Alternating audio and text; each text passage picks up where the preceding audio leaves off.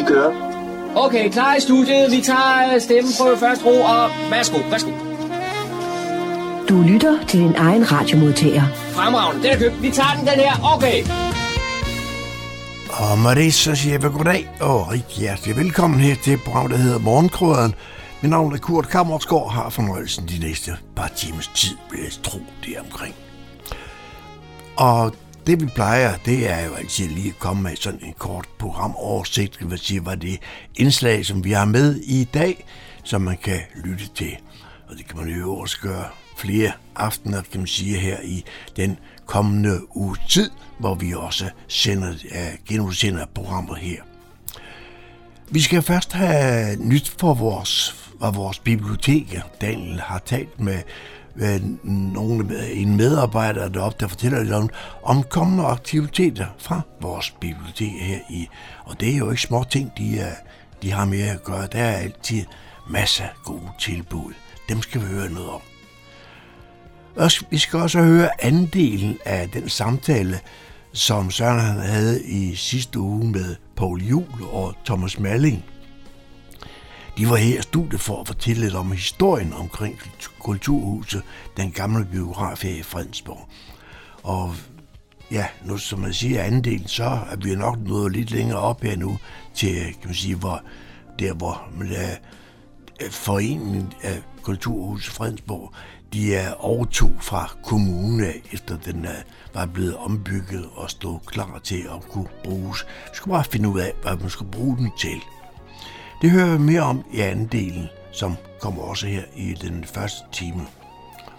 Og så har Daniel som altid været klar med nogle lokale nyheder fra vores, her på vores område af, og dem hører vi også med. Samme vejret omkring alt de her sådan, ting, vi skal passe på ude på nettet, har vi også med igen den uge. Så har Søren også talt med uh, Helge Frøsing, der øh, skal fortælle lidt om, om Fredensborg Atletikklub. Og øh, ja, det er også en, en gammel klub, en spændende klub, der har været utrolig aktiv i, i lang tid, ikke også? Og vi skal høre lidt om måske om fremtiden og for det hele taget, hvad man beskæftiger med, hvorfor man skal måske melde sig ind i artikelklubben.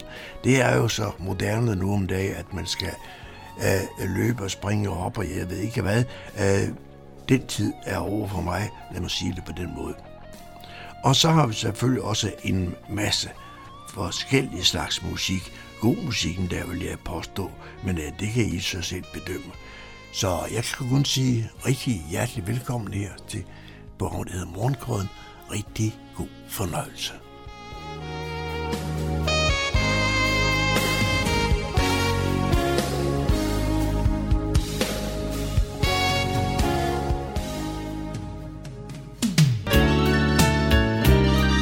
Lytter til Morgenkrydderen. I studiet er det Kurt Kammerskov. Og nu bringer vi seneste nyt fra Fredensborg Bibliotekerne. Så skal vi igen tage pulsen på, hvad der sker af kulturelle begivenheder på vores lokale bibliotek. Jeg har ringet op til Mathias, der er litteraturformidler, og velkommen til. Tak skal du have. I skal markere, at det er poesiens dag den 25. marts, og hvorledes vil I gøre det? Jamen det gør vi på øh, Humlebæk øh, Bibliotek, hvor vi gør det sådan, at vi, kan man sige, øh, fejrer det for, for børn. Poesi, digte og, og rim, der er skrevet for børn, som vi sætter fokus på.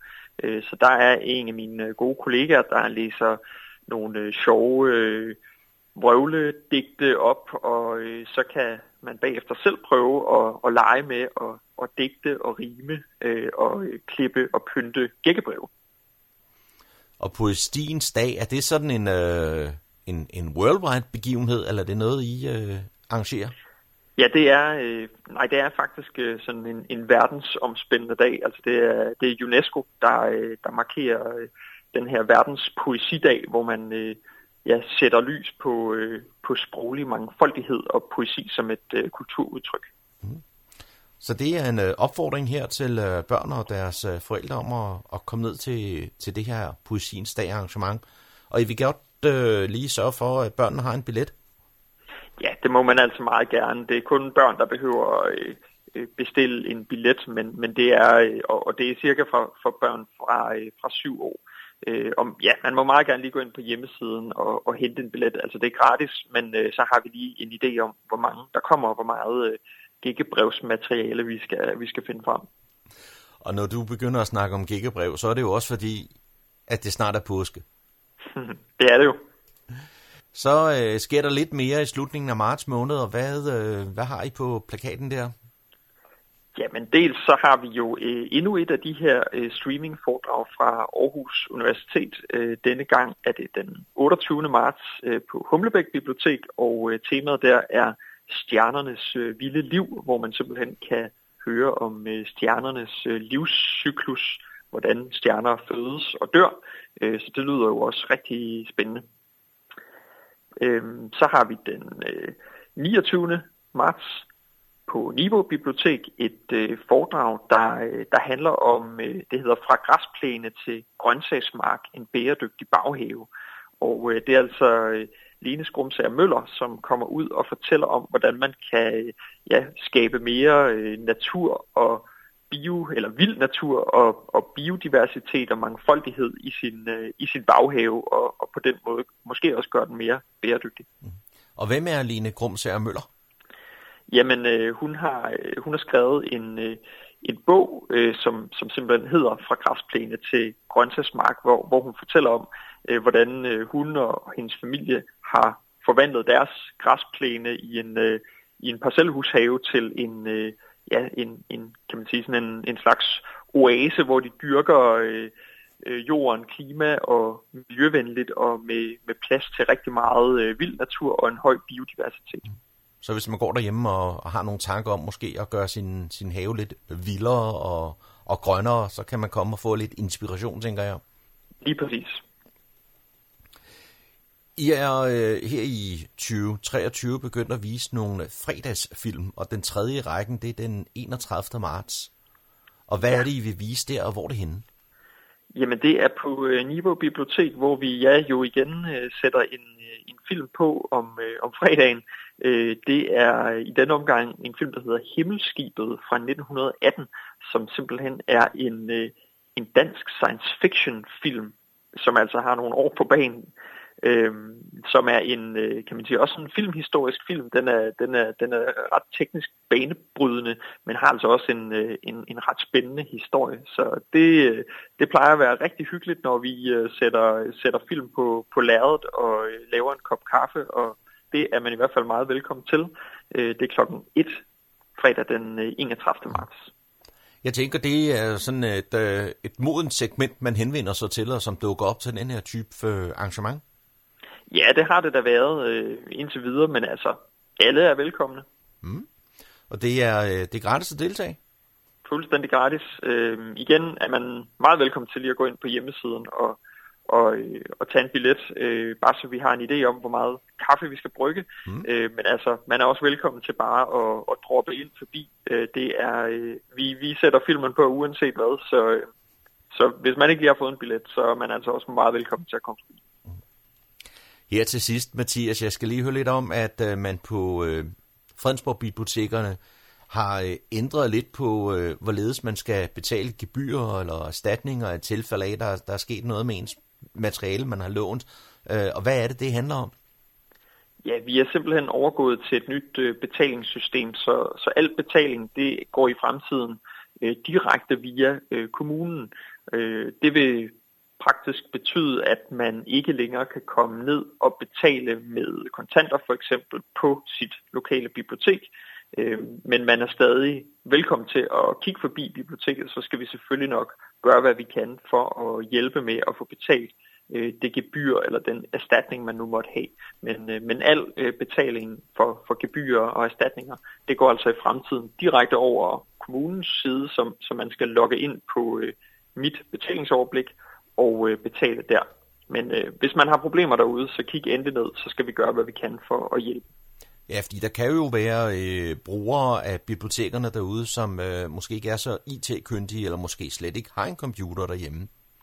Det er selvfølgelig rigtigt. Altså det, det er jo ligesom, kommer til at foregå, ligesom man betaler andre øh, regninger til, til det offentlige. Øhm, men det har du selvfølgelig ret i, og, og, og det, det kan man altså ikke længere komme ned med en, øh, en, en 20'er i hånden, og så betale sine, sine regninger på den måde. Øh, der, skal man, øh, der skal man ind via en computer og betale. Og man kan selvfølgelig prøve at huske øh, afleveringsfristen, og så undgå at komme ud af det her.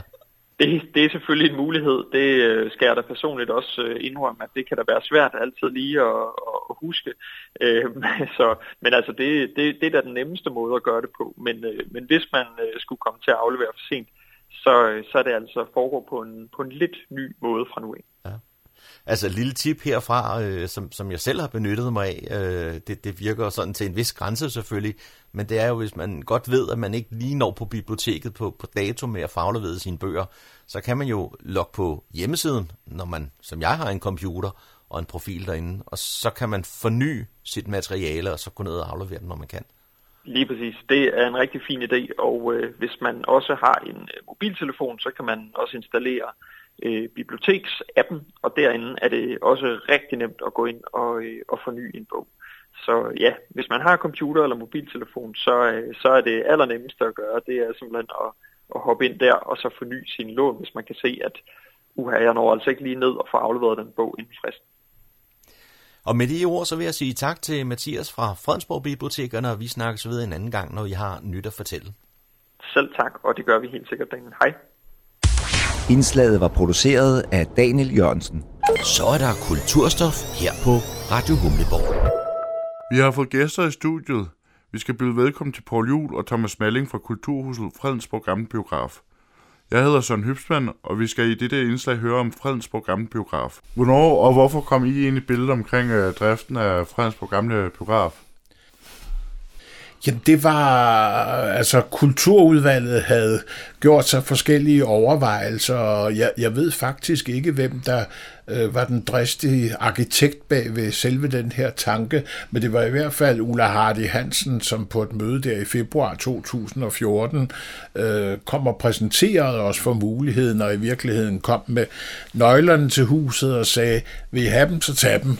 Men, men øh, det vi så gjorde dengang, det var, at øh, nogle af, af os, og vi kan vel godt være ubeskeden og sige ildsjæle der, vi sagde, hvordan pokker kan man lave sådan en konstruktion, øh, som den kulturudvalget efterspurgte, og det kørte vi lidt frem og tilbage med, og øh, vi havde også øh, det var i den første krise, der i 2014, et møde med borgmesteren og kommunaldirektøren, øh, hvor vi, vi sagde, jamen her er nogle øh, problemer der, kan vi ikke få ryddet dem af vejen. Og heldigvis så var borgmesteren og kommunaldirektøren, de kunne godt se, når de fik et møde med os, og fik et andet input end det, de fik fra deres embedsmænd, at øh, jo, det, den chance tog man godt at tage, og det gjorde de. Og så tror jeg, det var den 25. august 2014, der havde vi indbudt til en stiftende generalforsamling, og øh, der var nogen, der syntes, det var en god idé, og nogen, der med det samme kunne fortælle, at det ville aldrig lykkes. Heldigvis så øh, gik det sådan, at øh, øh, de, der kunne se, der var noget, de fik muligheden, og de arbejdede så videre. Så var der nogle år, hvor der stadigvæk var lidt, lidt usikkerhed omkring, hvem der havde fat i den anden ende af nøglerne, indtil vi så i 2019 Øh, og der vil jeg vel godt øh, være lidt fri at sige, øh, simpelthen sat stolen for døren for kommunen og sagde, enten så er det os, der har nøglerne, eller også kan I bruge en halv million kroner på om året at ansætte nogle kommunale medarbejdere til at drive det her. Valget af jeres. Så havde vi igen øh, der i 2019 et møde med øh, øh, borgmester øh, Thomas Lykke Petersen og med øh, kommunaldirektøren, og øh, dengang var, var et af stridspunkterne øh, kommunens bookingsystem, øh, som de ville presse os ind i, og det ville vi ikke. Øh, de tilbød os sågar, at vi kunne få kurser på både en halv og en hel dag, hvis vi ville lære deres bookingsystem at kende, og vi sagde, at det gider vi faktisk ikke at spille tid til. Og øh, den afgørende udfordring i den øh, forhandling, vi havde med borgmesteren, var, at øh, kommunaldirektøren spurgte mig, har du selv prøvet at bruge det her bookingsystem? Nej, siger jeg så.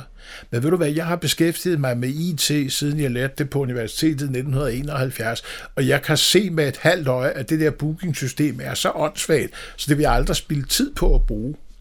Og så øh, kiggede jeg over på ham og sagde, har du prøvet det? Nej, det havde han ikke. Og så spurgte jeg borgmester, om han havde prøvet. Nej, det havde han ikke. Og så spurgte jeg min gode bestyrelseskollega Claus Israel, har du prøvet? Nej, det havde han ikke. Og så kunne vi så konstatere, at vi sad fire rundt om bordet der og forhandlede om noget, som ingen af os vidste, hvad var. Det, der så løste øh, situationen dengang, det var, at vi kunne fortælle, at oppe i Helsingør, der havde de faktisk et system, som var meget bedre. Og der fik vi trikket øh, et af borgmesterens bløde punkter, nemlig hans store ambitioner om, at Fredensborg Kommune kan være bedst, og det betragter jeg som noget absolut øh, positivt. Øh, og derfor så sagde Thomas så, at hvis de har noget bedre i Helsingør, så skal vi også have noget, der er mindst lige så godt.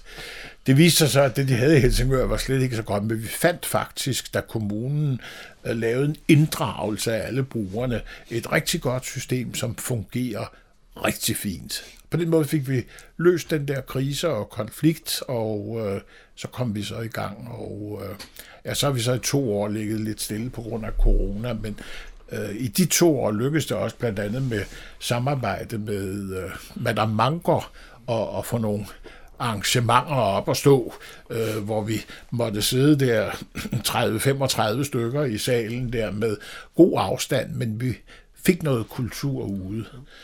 Og øh, jeg fornemmer, at der er god stemning. Det lykkedes os gennem de senere år at øh, få fyldt huset med en øh, masse arrangementer, og øh, også arrangementer, som der kommer rigtig mange til her det sidste halve år, efter vi har haft sådan to års nedfrysning på grund af corona med lav aktivitet så sidste halvår, der har vi faktisk haft en række arrangementer, hvor der har været fuldt udsolgt, ligesom der faktisk også øh, var i forbindelse med arrangementerne her med jubilæet. Øh, jubilæumsarrangementerne gjorde vi jo gratis. Normalt så giver man en 100 kroner eller deromkring for at komme ind og, og, og være med. Men øh, det er der mange, der gerne giver. Øh, det svarer sådan til, hvad det koster en, med en biografbillet, og de penge tager vi også ind og nyttiggør, fordi de tilskud, vi får, er ikke store nok til at dække øh, store gratis arrangementer, så derfor skal vi have nogle penge ind fra folk, der øh, lægger lidt ja. i bøssen, når de går ind. Hvad kan I fortælle om øh, fremtidige aktiviteter og planer for biografen? Uha, nu har jeg ikke taget liste med, men jeg kan prøve. Øh, jeg, jeg, jeg vil gerne sige, gå ind på vores hjemmeside, det vil jeg også gerne sige til alle lytterne. Gamle Bio er glbio.dk. Øh, der sørger vi for at holde opdateret. Øh, lige aktuelt har vi to pop- og rockkoncerter øh, her i øh, marts og april, og faktisk er det der, der ligger i april om næsten to måneder, det er stort set udsolgt. Det er Moon Jam, der kommer der.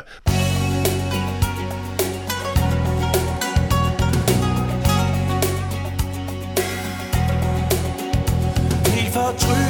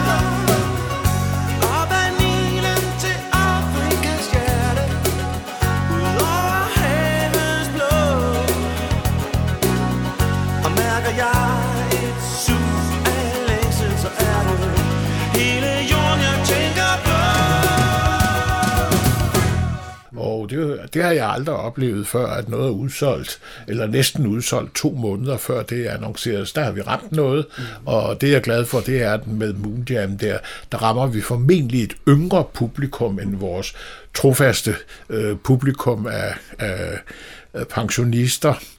Øh, så har vi, øh, får vi noget nyt i gang her i det, vi øh, laver nogle øh, eftermiddage med højskolesang, øh, hvor, man, hvor vi beder folk om at medbringe højskolesangbogen, så kommer slotsorganisten øh, og spiller på, på flylet, øh, og vi har øh, Sangcenter Nordsjælland, Morten Ernst Lassen, der kommer og synger for.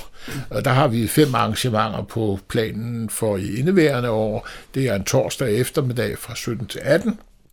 Ingen tilmelding, man kommer bare og, og deltager og går hjem igen. Vi har to til næste år. Så har vi øh, Niveau Jazzband til noget danseaften, det kørte en gang om året. Øh, vi er i gang med at planlægge vores øh, julekoncerter, og der var vi oppe på sidste år at have tre næsten udsolgte julekoncerter, og øh, i år ser det faktisk ud til, at, at vi er nødt til at lave koncert både fredag og lørdag i de tre weekender i begyndelsen af december, fordi der er så mange nu, der gerne vil lave det. Sidste år havde vi det populære med operettekompaniet, som folk jo gerne booker sig op til lang tid i forvejen. Øh, så har vi, havde vi et nyt brassband, som er kommet til os, OBG, Oldest But Goodies, øh, som øh, lavede sådan en rigtig messing julekoncert, og øh, så havde vi så vores også nye øh, kor, der er kommet til Gamle Bio, nemlig øh, gospelkoret MMMC, My Monday Morning Choir. Øh, ja, det er sådan lige, hvad jeg ja. kan øh, ryste ud. Jo, så, ja, så, så, så skal jeg nævne en ting til øh, i forbindelse med amfiscenen sidste år, som jeg ved, du også gerne vil, vil øh, tale om, der lykkedes det os at øh, øh, få gang i et samarbejde mellem øh, Fredensborg Slotkirkes fantastiske pigekor, øh, som kom den 21. i 6. og øh, lavede en midsommerkoncert øh, på amfiscenen. Det var simpelthen rekordbesøg øh, i amfiscenen, hvor der var anslået 400 øh, fredensborgere, der kommer til to der. Gratis arrangement, men det er stort arrangement, og der bruger vi så øh, gamle bio som backup øh, og forberedelsessted, hvor øh, pigerne kan gøre klar, og hvorfra de kan marchere ud og så lave sådan en times koncert her. I år bliver det den 20. 6. og det synes jeg, alle øh, fredensborgere skal skrive sig bag øret allerede der.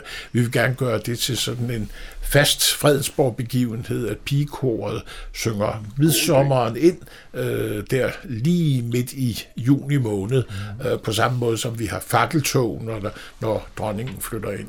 Er det den lektie, en hver må lære, at kærlighed er det hele værd?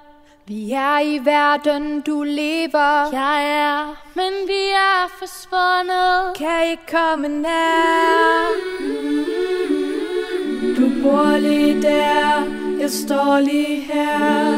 Men intet mellem os er det samme mere. Vi bygger en mur og gemmer os der. Vi græder i skjul, så ingen ser. Men inde bagved alting, der var der en gang, hvor vi var i eventyr dagen lang.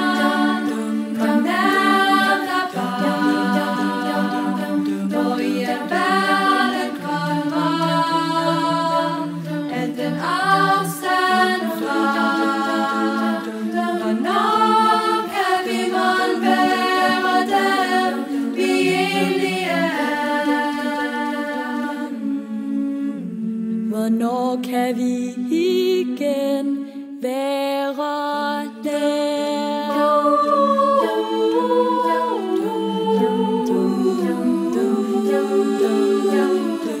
som at smide det vigtigste væk. Som står vores historie med usynligt blæk.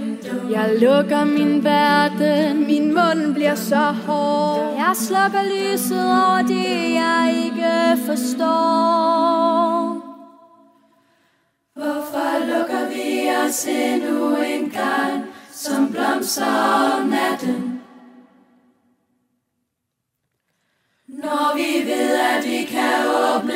Os hvert øjeblik For når kærlighed er der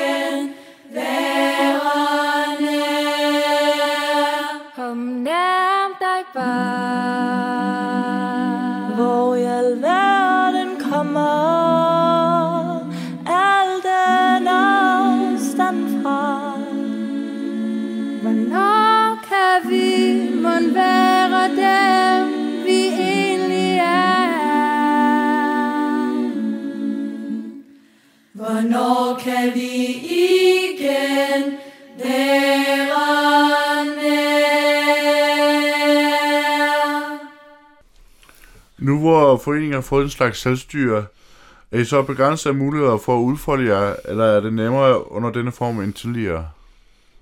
Ja, nu har jeg ikke prøvet, jeg har ikke prøvet, hvordan det var tidligere, men, men, men, men vi kan sige, øh, vi har øh, så meget frihed, som, som øh, vi har brug for, øh, og øh, vi har, vi har godt samarbejde med den nuværende kulturchef, som kom til sidste år, øh, hvor vi sådan pragmatisk kan drøfte forskellige løsninger, øh, og hvor jeg har en klar fornemmelse af, at det vigtigste for kommunen nu ikke er, om de kan styre alt, for det ved de godt, at det kan de ikke, men, men de øh, øh ser på, jamen kommer der for noget fornuftigt ud af det, vi laver i forhold til det input, kommunen giver. Øh, så, så øh, der, jeg tror, der er udvikling. Der er en masse små ting, øh, vi, vi kigger på om, til stadighed, om vi kan gøre bedre. Altså sådan fra, fra hylden af ting og sager kan jeg nævne, at vi øh, sidste år fik en ny opvaskemaskine, og spørger, hvorfor fremhæver I det? Jo, fordi den gamle opvaskemaskine, som nogen var meget irriteret på, der var noget displayet, der var gået i udu, og vi havde kunne konstatere, at vi øh, på et år havde brugt 6.000 kroner af vores vedligeholdelsespenge på at tilkalde montører, når den var i udu. Og øh, der indså kulturforvaltningen og kulturudvalget, at så er det på tide at skifte den ud. Øh, det er sådan nogle små ting, som gør det hele bedre. Sådan prøver vi hele tiden på at få lavet forbedringer. Og så vil jeg godt sige, og det der, det er vigtigt med den konstruktion, vi har fået lavet. Øh, og øh, nu efterlyste du, hvad er forskellen til tidligere, og øh, nu regner der mig en ting i hu. Før 2014, der rendte alle de her, dengang 10-15-20 foreninger, alle sammen til kulturudvalget og til øh, øh, kommunen øh, i øvrigt, altså til forvaltningen, øh, med deres specifikke ønsker til at gøre gode ting for deres forening og deres øh, måde, øh, deres ønsker øh, til driften. Og der kan vi sige, en af de ting, vi gjorde, øh, øh, og som var nyt i 2014, det var, at vi sagde, den der trafik skærer vi af, nu kører alt gennem kulturforeningen. Og for at få accept af det, er det jo så også vigtigt, at kulturforeningen er i stand til at træffe beslutninger, som foreningerne anser for rigtige og meningsfyldte. Og der kan vi sige, det at vi har lavet en forening, der er bygget demokratisk op, hvor der er en generalforsamling, og hvor, for, hvor medlemsforeningerne ved, at de kan afsætte bestyrelsen og formanden, øh, hvis de ikke synes godt om det. Det synes jeg er en god garanti for, at der kommer til at få foregå det rigtige. Det betyder ikke, at vi har løst alle konflikter. Der vil stadigvæk være interessekonflikter, fordi øh, Thomas for eksempel, han trækker mere i teater, jeg trækker måske mere i en anden retning, eller så er der andre, der gør det. Men dette, at vi kan gøre det øh, i en demokratisk model, hvor i sidste ende, så afgøres det altså på generalforsamlingen, om vi kører den ene eller den anden vej. Det er ikke noget, der afgøres i kulturelt udvalg, det er ikke noget, der afgøres i kulturforvaltningen, det afgøres i foreningen. Og det er vi i stand til at, at øh, drive igennem. Uh, og øh, jeg tror, at en af grundene til, det går rigtig godt i dag, det er, at kommunen efter de konflikter, der har været, også kan se, når, jamen, altså, når de får lov at køre det selv, så går det jo egentlig meget godt, og der kommer resultater ud af det. Og her til sidst, hvad fyldes rummene så med i dag? Noget af det, som øh, jeg synes har været utroligt tilfredsstillende for mig, det er, at vi faktisk med den renovering, vi fik lavet af AV-udstyret i biografen, i dag har fået, altså med en stor projektor og velfungerende øh, lys- og lydanlæg og AV-udstyr, øh, har fået genskabt en biograf. Og det var det, vi oplevede her i forbindelse med jubilæet der. Altså, vi har et stort lærred, vi kan rulle ned, forholdsvis stort, og øh, vi har en, en god projektor, øh, som kan genskabe den her øh, biografstemning, som der var dengang. Ja. I dag kan vi kun være 120-30 mennesker mm. i salen. Dengang kunne man være det dobbelte, ja. men, men uh, der er brandmyndighederne jo kommet ind, og lov for det, ja. uh, så vi så også for, at der er gode flugtmuligheder. Men, men det der, at vi ud over hvad salen i øvrigt kan bruges til, så har fået det, at vi faktisk kan uh, bruge den som biograf igen der, det ja. fylder mig da med stolthed. Jo, og så kan man sige, at det er et kulturhus, og det er jo sådan, at kulturhuset skal kunne huse forskellige ting. Ikke? Der skal kunne være dans på gulvet, der skal kunne være en scene, hvor man kan lave ting, der skal kunne spilles levende musik, og så skal der kunne være udstillinger. Og øh, der synes jeg stadigvæk, at kommunen Øh, Øh, bør hjælpe bio til at få for eksempel langt bedre belysning, hvis man vil lave en udstilling af de kunstnere, som kommer herfra. Det kan være D.S. Asmussen, det kan være alle mulige, som har tegnet, malet osv., og som er kendte kunstnere, var kendte kunstnere. Vil man lave udstillinger med dem, jamen så har bio, det råder de over nogle skærme, man kan stille op, men altså vi er langt bagud med de ting. Og der bør kommunen lytte og se, hvad kan der gøres for, at, at at kulturhuset bliver attraktivt i yderligere grad. Og de tre ting, altså scene, gulv og udstilling, det er det, et kulturhus skal kunne byde på i vores dage. Så jeg gerne prøve at, runde det af med at sige, at øh, jamen, vi er, er meget modtagelige for alle idéer, øh, som, som nogen måtte have øh, til aktiviteter, og vi går meget gerne ind i eksperimenter for at afprøve det. Vi er i den situation, at øh, selvom der på nogen, øh, i nogle tidsrum er pres på brugen, så er der i andre tidsrum stadigvæk ledig kapacitet. Og øh, det gode, og her vil jeg gerne sende en, en meget venlig tanke og hilsen til kommunen, det store gode, vi har i Gamle Bio, det er, at kommunen betaler på forhånd alle driftsudgifter ved bygningen. Så vi skal ikke starte den 1. januar med at, med, med at sige, hvordan tjener vi penge til husleje, varme, elektricitet, internet, vedligeholdelse osv. osv.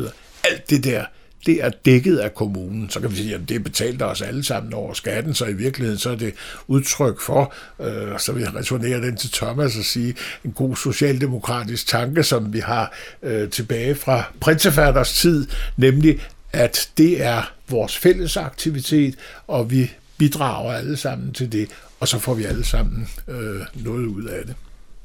Med det vil jeg sige tak til Thomas Malling og Paul Juhl for, at I vil komme og fortælle her med Frans Program Biograf. I teknikken sad Daniel Jørgensen. Jeg hedder Søren Hybsmann og siger på genhør en anden gang. Indslaget var produceret af Søren Hybsmann. Så er der igen blevet tid til lokale nyheder – kulturinformation og servicemeddelelse. De er alle sammen hentet fra humleborg.dk. I studiet er det Daniel Jørgensen. Fredensborg Kommunes unge opfordres nu til at rejse ud og blive klogere på sig selv og på verdenen. Sidst i april uddeler Venskabsbyforum rejse- og studielegater på 10.000 kroner. Fredensborg Kommune har seks venskabsbyer, som de unge kan vælge imellem. Det er et tilbud til unge under 25 år, der er bosiddende i Fredensborg Kommune, der kan søge om et legat. Og her kan man rejse til en af kommunens seks venskabsbyer.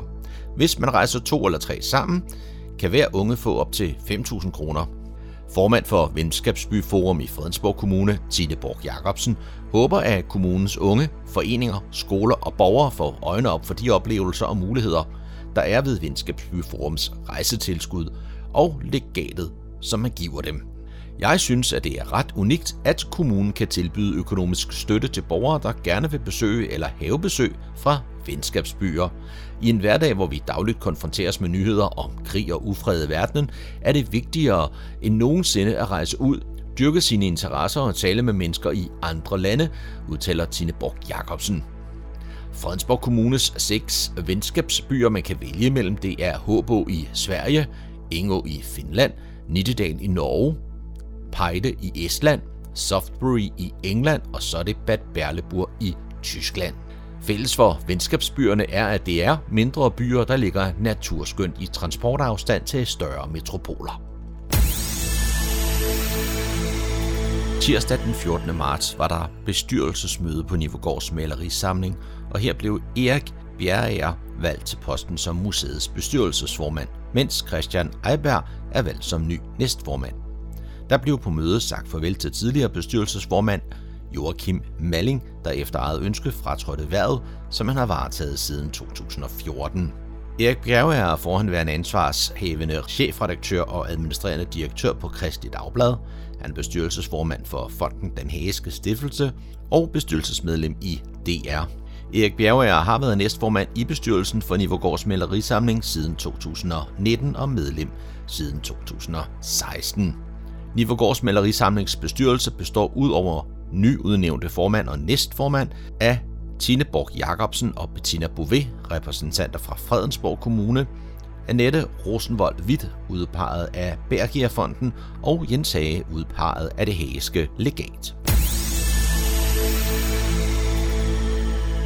Nødknækkerne, der holder til i forsamlingshuset Nødebo Kro, mødes den sidste fredag i måneden. Og den sidste fredag i måneden næste gang, det er fredag den 31. marts. Her starter det kl. 19 med mulighed for spisning kl. 18. Og denne aften får nødknækkerne besøg af folkemusikgruppen Birkeris, der spiller op til dans fra kl. 20.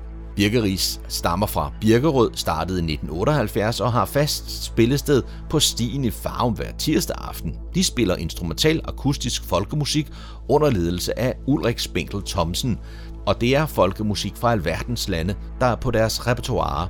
Det er for eksempel klezmer musik fra Balkan, Kina, Rusland og fra de nordiske lande. Spisebilletter købes på hjemmesiden nødebo-kro.dk senest onsdag den 29. marts kl. 12. Det var, hvad vi havde for denne gang af lokale nyheder, kulturinformationer og servicemeddelelse fra humleborg.dk. De var oplæst og redigeret af Daniel Jørgensen.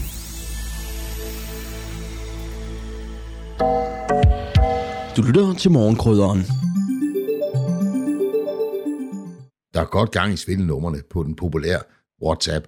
I denne uges udgave af Cyberværet, der skal vi kigge lidt på de mest almindelige svindelnumre på WhatsApp, samt hvad du kan gøre for at undgå at ryge fælden.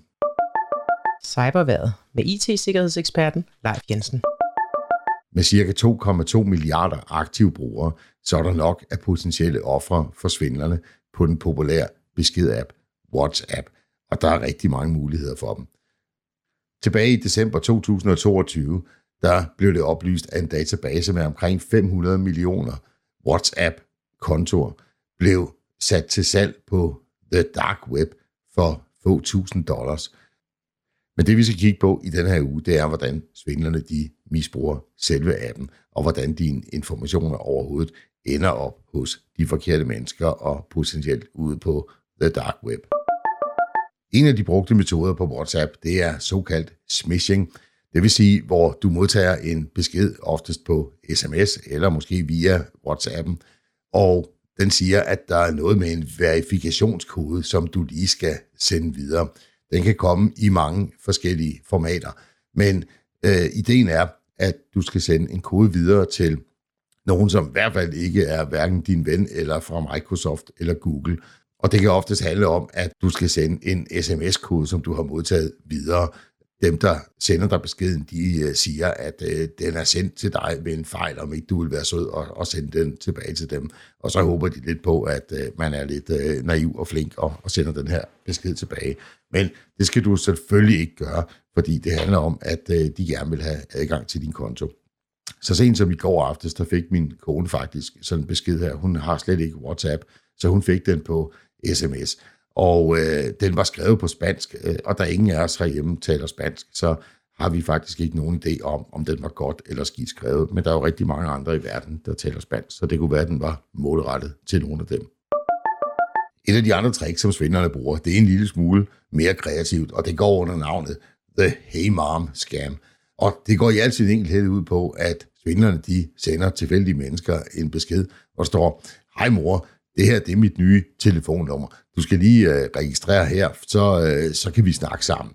Og ja, hvis man måske ikke lige har kontakt med sine børn hver dag, så tænker man, nå, det er nok et eller andet nyt, de har fået en ny telefon eller en ny konto. Det må jeg heller lige gøre, når nu at, at det er min søn eller datter, der siger sådan. Nogle gange, så går øh, banditterne også den ekstra mil, og så øh, forsøger de at, at slakke lidt, øh, i hvert fald med et sprog, som skal vi sige, kan være generelt, og som alle kan være med på. Øh, og ja, i nogle tilfælde, så har de altså held med at få narret nogle penge ud af mor eller far. Hvis du får sådan en besked, så tjek lige, om det nu også er din søn eller datter, som har sendt dig sådan en besked. Prøv at ringe op på en almindelig telefon øh, med det telefonnummer, som du rent faktisk har. Øh, og så kunne det jo være, at din søn eller datter tager telefonen og siger, jeg har altså ikke skiftet noget som helst nu. De lidt mere almindelige kendte tricks, de virker også på WhatsApp. Det kunne være sådan noget som øh, spørgeskema-undersøgelser, eller at man har vundet i lotteriet. Og i mange tilfælde, eller langt de fleste tilfælde, så er det altså øh, fup og svindel. Så lad være med at hoppe i sådan en spørgeskemaundersøgelse, som sikkert ender op med, at du skal give en hel masse personlige oplysninger om dig selv. Og hvis du ikke har deltaget i noget lotteri, så er der nok heller ikke rigtig den store chance for, at du har vundet noget som helst. Men som jeg sagde i starten, der er godt 2,2 milliarder aktive brugere af WhatsApp. Så sender man sådan en øh, besked bredt ud, så skal der helt sikkert nok være nogen, der hopper i fælden. Hvis du tror, at svindlerne de også har moral, så kan du roligt tro om igen. De er fuldstændig ligeglade, så længe de kan tjene penge. Og de udnytter gerne ubehageligheder, som eksempelvis den frygtelige krig i Ukraine, til at tjene nogle penge. Der er set gentagende gange, at der er kommet kampagner ud, øh, især i starten af, af krigen, hvor man sendte beskeder om, at du kan donere 10 dollar, og så kan du være med til at gøre en god gerning, og de ryger alle sammen til Ukraine, så vi kan hjælpe folkene dernede. Det er fup og svind, og du skal selvfølgelig ikke øh, hoppe på den, fordi de 10 dollar, de kommer aldrig nogensinde til Ukraine. Desværre. Sidst men ikke mindst, så er WhatsApp også blandt svindlernes foretrukne kommunikationsplatforme, når de skal følge op på et offer, de har fundet på en dating-app. Så vil de gerne have dem til at kommunikere på WhatsApp, fordi så er det jo uden for, hvad dem på dating-appen de holder lidt øje med. Og øh, der kan man måske lidt lettere opbygge den fornødende troværdighed, som i bund og grund øh, går ud på, at man skal narre offeret til at tro, at øh, det er den store kærlighed der, men at man lige skal sende nogle penge afsted for, at den kærlighed den kan blive til noget. Nå, men hvad kan man så gøre for at sikre sig en lille smule bedre, hvis man bruger WhatsApp? En af de ting, man kan gøre, det er at sætte tofaktorgodkendelse godkendelse op på sin WhatsApp-account. Og det bør man i øvrigt gøre på alt muligt andet, man bruger online, hvor man har mulighed for at sætte tofaktorgodkendelse godkendelse op. Så skal vi selvfølgelig undlade at dele personlige informationer om os selv med folk, som vi ikke kender. Så skal du lade være med at føle dig fristet eller logge til at overføre penge til en, der skriver til dig via WhatsApp. Hvis du skal overføre penge til nogen, så har vi et rigtig godt system her i Danmark, der hedder MobilePay. Brug det i stedet for WhatsApp. Ligesom med alle mulige andre apps, så skal du aldrig nogensinde dele hverken dit password eller godkendelseskoder med nogen som helst. Hvis du inde i WhatsApp får tilsendt links, så skal du lade være med at trykke på dem, medmindre at du virkelig ved, at det er fra en af dine venner, og, og det er et link til et fotoslideshow fra deres seneste ferie til Thailand eller Lolland. Og husk nu, at bank- og forsikringsselskaber og offentlige myndigheder, de sender dig ikke beskeder via WhatsApp. Så skal du selvfølgelig huske altid at holde din telefon og dine apps opdateret. Det gælder ikke kun WhatsApp i øvrigt. Og så lad være med at føle dig fristet til at jailbreake din iPhone. Brug kun officielle App Stores fra enten Apple eller Google Play Store, og pas rigtig godt på med den slags apps, der tilbyder dig øh, farverige temaer til dine øh, forskellige andre apps. Og sidst men ikke mindst, så kan du med fordel bruge noget sikkerhedssoftware til din mobiltelefon. Det var cyberværet for denne gang. Vi er tilbage igen med en ny cyberværetudsigt igen næste uge. Tusind tak, fordi du lyttede med.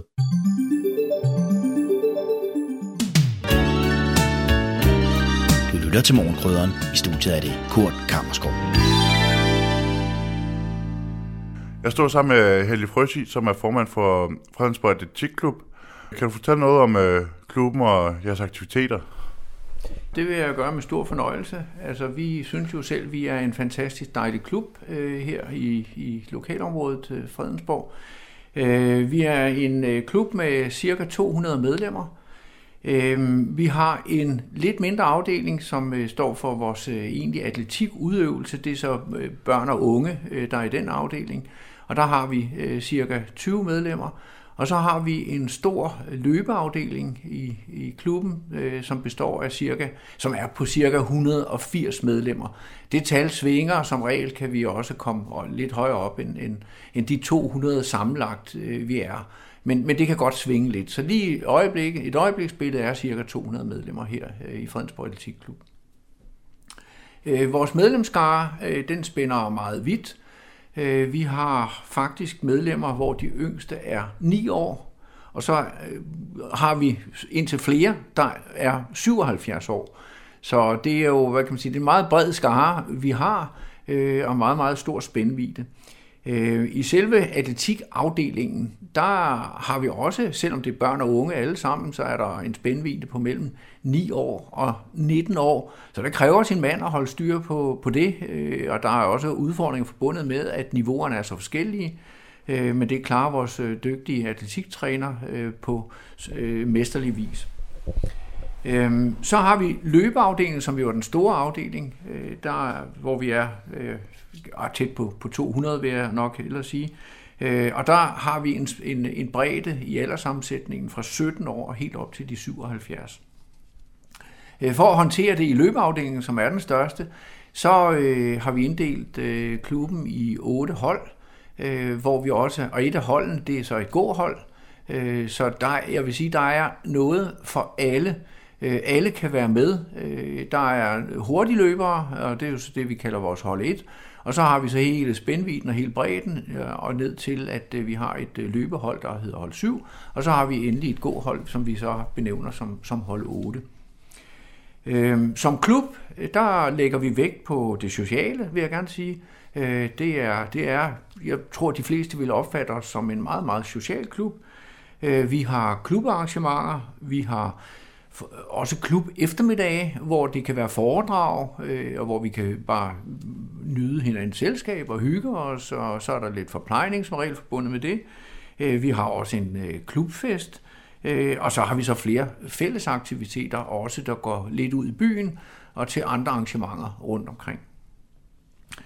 I vil nok øh, også se os, fordi I vil nok se os mange steder i byen øh, og i lokalområdet. Øh, Øh, vores træningsaften, øh, når vi snakker atletikafdelingen, så er det jo naturligt primært her på, på øh, atletikstadion som sådan, øh, hvor de har deres aktiviteter. Når det er løbeafdelingen, så er det jo ikke sådan, at vi løber 200 ud fra stadion, eller 200 rundt på stadion. Det er det jo ikke.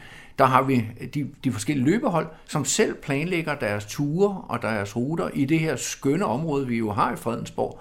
Og det vil sige, at mange af jer vil garanteret se os også op i øh, øh Hvis I har andre aktiviteter, så vil I sikkert se, at der kommer nogle løbehold løbende, øh, og det er jo sådan, som holdlederne for de forskellige løbehold, de så selv øh, planlægger turene.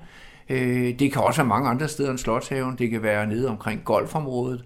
Det kan også bare være rundt omkring i byen. Det kan være på stierne. Det kan være nede i Asminderød. Det kan være rigtig, rigtig mange steder. Jeg tror, vi stort set øh, har været overalt i byen. Selv de små, mindre veje vil nogle gange få besøg af os. Øh, og jeg håber, at øh, I lægger mærke til, at, at vi løber meget, meget disciplineret, når vi løber øh, i holdene. Øh, klubben, den øh, Fredensborg den øh, blev stiftet som en selvstændig øh, klub i 1983, og hvis der er nogen, der er hurtige til at gange og dividere og kigge på årstal og sådan noget, så er vi jo nu i 23, så det er i år, vi faktisk også har eksisteret som selvstændig klub i 40 år. Øh, før det, det blev en selvstændig klub, så har vi så øh, haft samarbejde og været en del af andre klubber. Øh, vi har faktisk været en del af den lokale gymnastikforening, og vi har også været en, en del af Fredensborg Boldklub og Idrætsforening, FBI. Hvilken form for idræt dyrker I i atletikklubben? Det, der er vores primære formål, og det vi lægger meget vægt på, det er jo, at det er den brede folkelige idrætsudøvelse. Jeg tror også, det ligesom fremgår af det, jeg sagde lidt tidligere, at det er bredden, vi går efter, at det er den brede folkelige idrætsudøvelse. Øhm, og vi ønsker i høj grad at være en del af øh, Fredensborg omegns lokalmiljø. Vi har i en årrække har vi haft øh, det, vi kalder begyndertræning, altså i løbeafdelingen. Øh, og det er for at give nogen, som egentlig gerne vil ud og begynde at bevæge sig lidt mere, for at give dem et skub til at komme i gang. Og der har vi med, vil jeg da tør jeg godt sige, med stor succes Øh, fået sat, øh, sat i nogen i gang, øh, som så er blevet aktive og bliver i klubben bagefter. Vi har faktisk en, haft en meget, meget høj rate for, hvor mange der gennemfører programmet, i for, også i sammenligning med andre klubber, øh, hvor vi kan se, at øh, vi på nogle hold har haft måske 40, der startede, og så øh, faktisk 30, øh, der også bliver i klubben efterfølgende. Så det har jo været rigtig, rigtig dejligt at opleve. Og vi starter helt, helt fra bunden, vil jeg gerne sige, når vi har vores begynderhold, det er sådan, så når man kommer, så tænker man, hold da op, kommer vi nogensinde i mål med det her? Fordi det, vi, vi faktisk øh, har, øh, jamen, vi starter bare med at bevæge os, øh, gå, løbe lidt, bevæge os en lille smule, øh, helt ned omkring 5 minutter, og så stiger det langsomt til, at man efter sådan et begyndertræningsprogram, som vi har øh, på et halvt års tid, øh, Øh, så kan man faktisk, øh, nogen kan løbe faktisk 10 km uden at holde pause, øh, andre løber måske kun 5 eller ikke kun, det er ikke kun, men andre løber 5 km, øh, også øh, uden, uden øh, pause. Øh, så alle, alle øh, får rigtig, rigtig meget ud af, af den begyndertræning, vi har haft. Så har vi nogle store i klubben, nogle store aktiviteter, der ligger fast i kalenderen, hvis jeg tør, kan sige det sådan. Vi har noget af det, som rigtig mange af jer sikkert kender, eller mange kender, og det er Esrumsø Rundt, øh, hvor, hvor vi startede det øh, som klub øh, i 1972. Og så igen, hvis der er nogen, der sådan ligesom er god til at, at regne, så kan man jo også regne ud, at øh, ja, vi havde faktisk et 50-års jubilæum i 22. Øh, og hvis nogen så siger, jamen hvordan er det så, det hænger sammen, så er det faktisk, fordi vi sprang, vi var nødt til at springe et år over på grund af corona. Sådan så det, der en skulle, skulle have været 50. 20. gang, øh, det blev øh, så udskudt med et år. Og Esrumsø Rundt, som er et stort flagskib, ikke bare for klubben, men for hele byen, for hele, hele samfundet, øh, også, vi næsten næsten mig op til at sige hele Nordsjælland. Det er det største arrangement, der foregår. Og det er, der tiltrækker vi cirka 300 deltagere til det store arrangement. Øh, Esrum Sø Rundt bliver altid afholdt øh, den sidste søndag i august måned. Og det er simpelthen en fast tradition, og så ligger det i kalenderen, så ved alle det. Øh, ikke mindst alle de mange hjælpere, vi skal bruge fra klubben. Fordi sådan noget, det kommer ikke af ingenting, og det er et stort arbejde for os, og det betyder også, at vi har 150, cirka 150 hjælpere i sving den dag, hvor vi har Esrumsø rundt. Og det er et kæmpe arrangement, og det er noget, der i høj grad har været med til at sætte også Fredensborg på landkortet. Det er både eliteløbere, vi ser. Det er motionister, øh, øh, helt dem i den, den måske mere stille og rolige øh, i enden af, af skalaen, øh, og der er noget for alle. Det vi også lægger vægt på, øh, det er børn, at øh, der også skal være noget for børnene, altså der, der er distancer for alle, også for børnene. Så vi har faktisk et øh, 1,5 km børneløb, som øh, starter øh, tidligt om formiddagen. Øh, lidt senere har vi så også et øh, 5 km børneløb, fordi vi som sagt øh, rigtig, rigtig gerne vil, vil til gode se børnene, også i forbindelse med Estrumsø rundt. Øh, andre ting, som er i kalenderen som en fast øh, del af vores hverdag, det er vores nytårsløb i rammen af Tour de Fredensborg, hvor vi har indgået et samarbejde med andre, øh, andre øh, idrætsforeninger her i, i eller foreninger her i øh, kommunen, øh, og i samarbejde med kommunen, som egentlig står for det, der hedder Tour de Fredensborg. Og der har vi så den store fornøjelse at have det løb, øh, der hedder Nytårsløbet, i rammen af Tour de Fredensborg. Og der vil jeg da også gerne sige, at øh, der er vi så heldige, at vi kan tiltrække cirka 1000 løbere hvert år til nytår. Øh, og det er et rigtig, rigtig stort arrangement, og det kræver også rigtig, rigtig mange hjælpere. Og derfor er jeg rigtig glad for, at vi også har hjælpere i klubben, der er villige til at give noget tid til klubben øh, og til sådan nogle arrangementer, som vi har. Som klub så har vi også stået bag udviklingen af noget, som nogle lytter måske øh, kender som øh, ek, ekstrem mandehørm. Øh, og der startede vi konceptet op, øh, og så har vi så senere solgt konceptet til øh, Dansk Firma Idrætsforbund. Øh, og det er bare for at nævne en af de også aktiviteter, som vi desværre ikke har mere, men som vi har været med til at udvikle og starte op. Vi har også øh, været meget aktive i forbindelse med øh, skole-OL, som rigtig mange også kender. Øh, og det er vores atletiktræner, som har stået for det og været anker, tovholder og ankermand i, i flere omgange Øh, og sørget for, at skole-OL er blevet afholdt også til rigtig stor succes for, for kommunen. Generelt har vi øh, synes jeg godt, jeg vil sige, et øh, rigtig godt samarbejde med kommunen. Øh, rigtig meget af det, jeg har nævnt her, har vi faktisk, øh, gør vi jo sammen med kommunen. Øh, de er meget aktive, kommunen er meget aktiv, også i forbindelse med vores øh, Esrumsø rundt. Øh, og hvis man kigger ud af vinduet, nu sidder vi i vores klubhus, øh, et lille klubhus nede på Fredensborg Stadion, og hvis man kigger ud, så kan man faktisk se, at øh, der er et atletikanlæg, som er kunststofbelagt, og der, det er jo et godt eksempel på det samarbejde, vi har øh, med kommunen, og også har haft med kommunen. Øh, kommunen øh, var, var villig til at, at, at, at, at, at hvad kan man sige, sætte det på, på øh, planen, sætte økonomien på plads, hvor vi som forening bidrog med 1 million kroner fra øh, klubkassen, Fredens Politikklub, som vi havde sparet sammen øh, på grund af nogle af de aktivit- aktiviteter, vi har lavet. Øh, ikke mindst Ekstrem Mandehørm og også øh, Esrumsø rundt hvor vi så har sparet nogle penge sammen til klubkassen, og dem har vi så givet videre for eksempel med en million kroner her til øh, etablering af atletikanlægget på Fredensborg Stadion.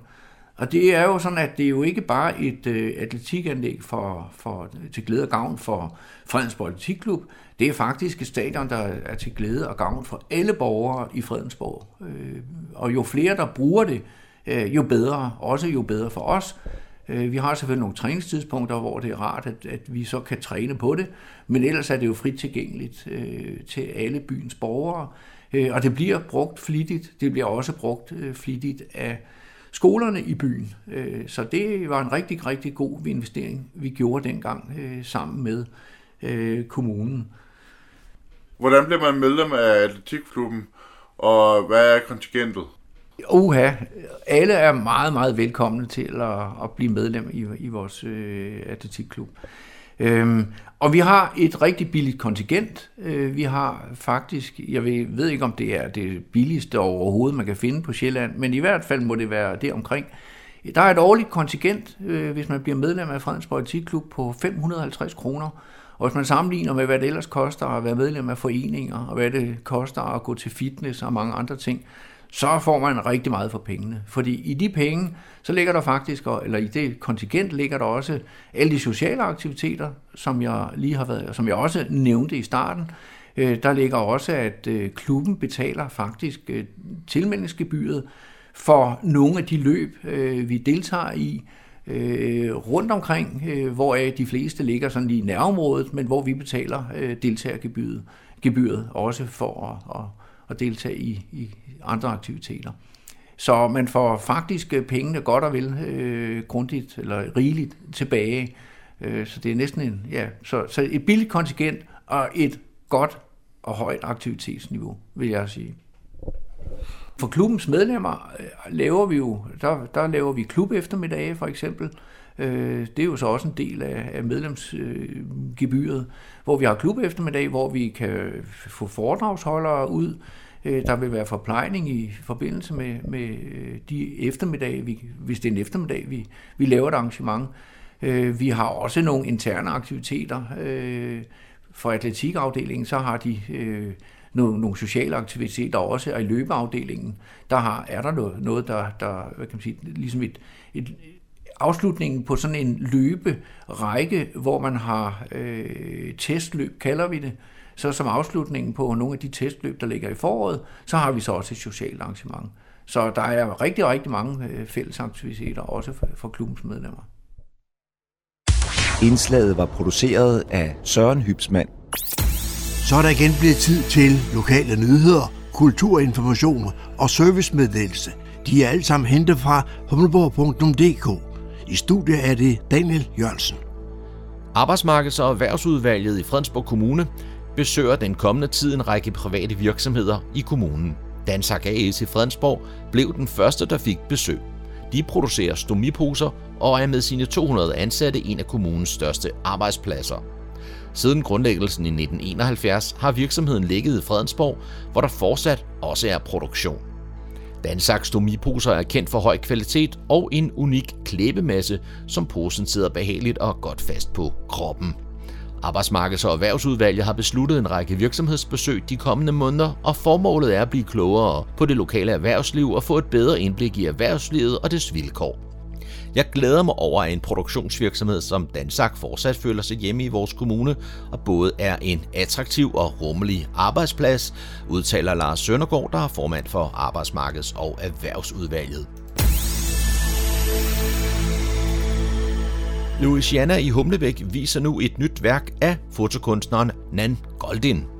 Værket Memory Lost kan ses to måneder frem på Louisiana som del af en omfattende samlingspræsentation i museets sydfløj. Memory Lost er ny i samlingen på Louisiana og et stort billedshow, der fortæller om den mørke side af stofmisbrug med intime billeder og optagelser fra Goldens omfattende arkiv.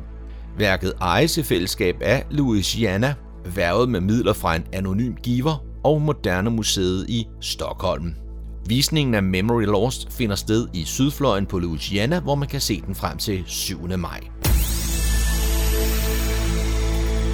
I de 60 år, Niveau Amatørteater har eksisteret, har foreningen haft tradition for at skrive og opføre revyer. 21 munter revyer er det blevet til i tidens løb, til stor fornøjelse for publikum og efter et par år præget af coronanedlukning, kan man nu glæde sig til den 11. april, hvor Amatørteateret er klar med en ny sprudlende revy, der som sædvanligt rester de lokale og nationale politikere og godt folk over en sagte ild, sætter kritisk fokus på tidens trends og sætter dem i perspektiv i forhold til, hvordan de blev behandlet i tidligere revyer. Revyen kommer vidt omkring tidens trends som våger, tolerance, energikrise, klima og miljø, og de evige aktuelle kystbanen, Niveaucenteret og vores dejlige kommune. Alt sammen med kant og et glimt i øjet. Løjerne er instrueret af Lena Vandal Holm. Lis Appelstrup og Michael Ledoux leverer dejlig svingende musik til de mange sange. Billetter købes på niveauteater.dk-revy 60. Det var, hvad vi havde for denne gang af lokale nyheder, kulturinformationer og servicemeddelelse fra humleborg.dk. De var oplæst og redigeret af Daniel Jørgensen.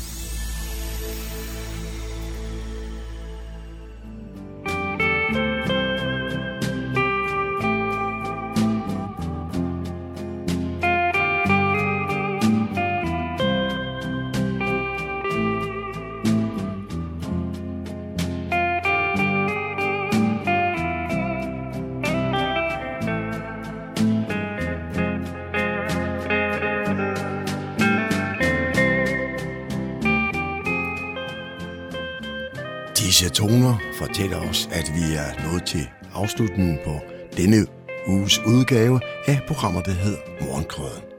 Her fra redaktionen, som består af undertegnet, jeg hedder Kurt Kammersgaard. Ja, der siger jeg tak for nu, og på genhør en anden god gang.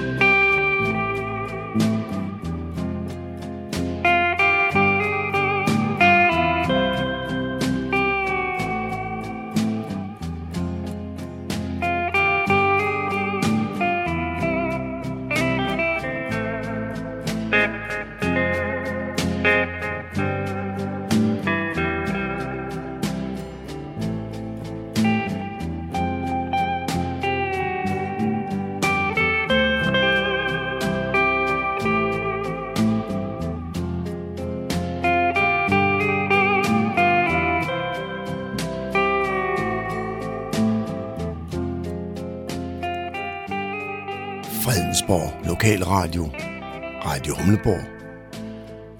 Nordsjællands mest voksne lokalradio.